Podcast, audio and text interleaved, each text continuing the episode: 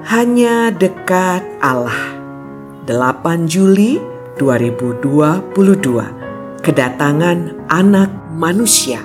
Lukas 21 ayat 25 sampai 27. Dan akan ada tanda-tanda pada matahari dan bulan dan bintang-bintang. Dan di bumi, bangsa-bangsa akan takut dan bingung menghadapi deru dan gelora laut pada waktu itu orang akan melihat anak manusia datang dalam awan dengan segala kekuasaan dan kemuliaannya. Demikianlah catatan Lukas mengenai kedatangan Yesus yang kedua.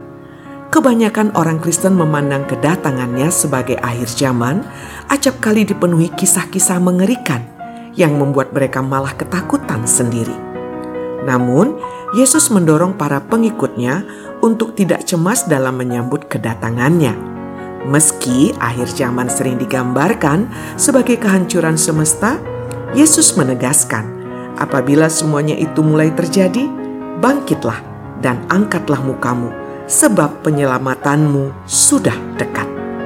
Sesungguhnya akhir zaman tidak melulu bicara soal kehancuran semesta, tetapi juga soal penyelamatan. Akhir zaman tak hanya bicara soal berakhirnya suatu zaman, tetapi juga dimulainya zaman baru. Inilah sumber penghiburan bagi setiap orang yang menyandarkan diri kepada Yesus Kristus.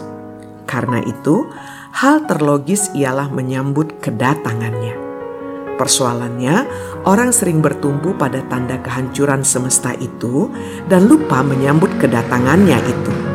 Itu jugalah yang tampak pada film 2012 yang dikisahkan hanyalah kehancuran bumi dan semua orang ketakutan.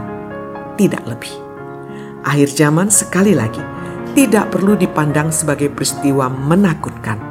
Namun harus dipahami sebagai sumber penghiburan. Sebab pada waktu itu orang akan melihat anak manusia datang dalam awan dengan segala kekuasaan dan kemuliaannya. Salam semangat dari kami literatur perkantas nasional, sahabat Anda bertumbuh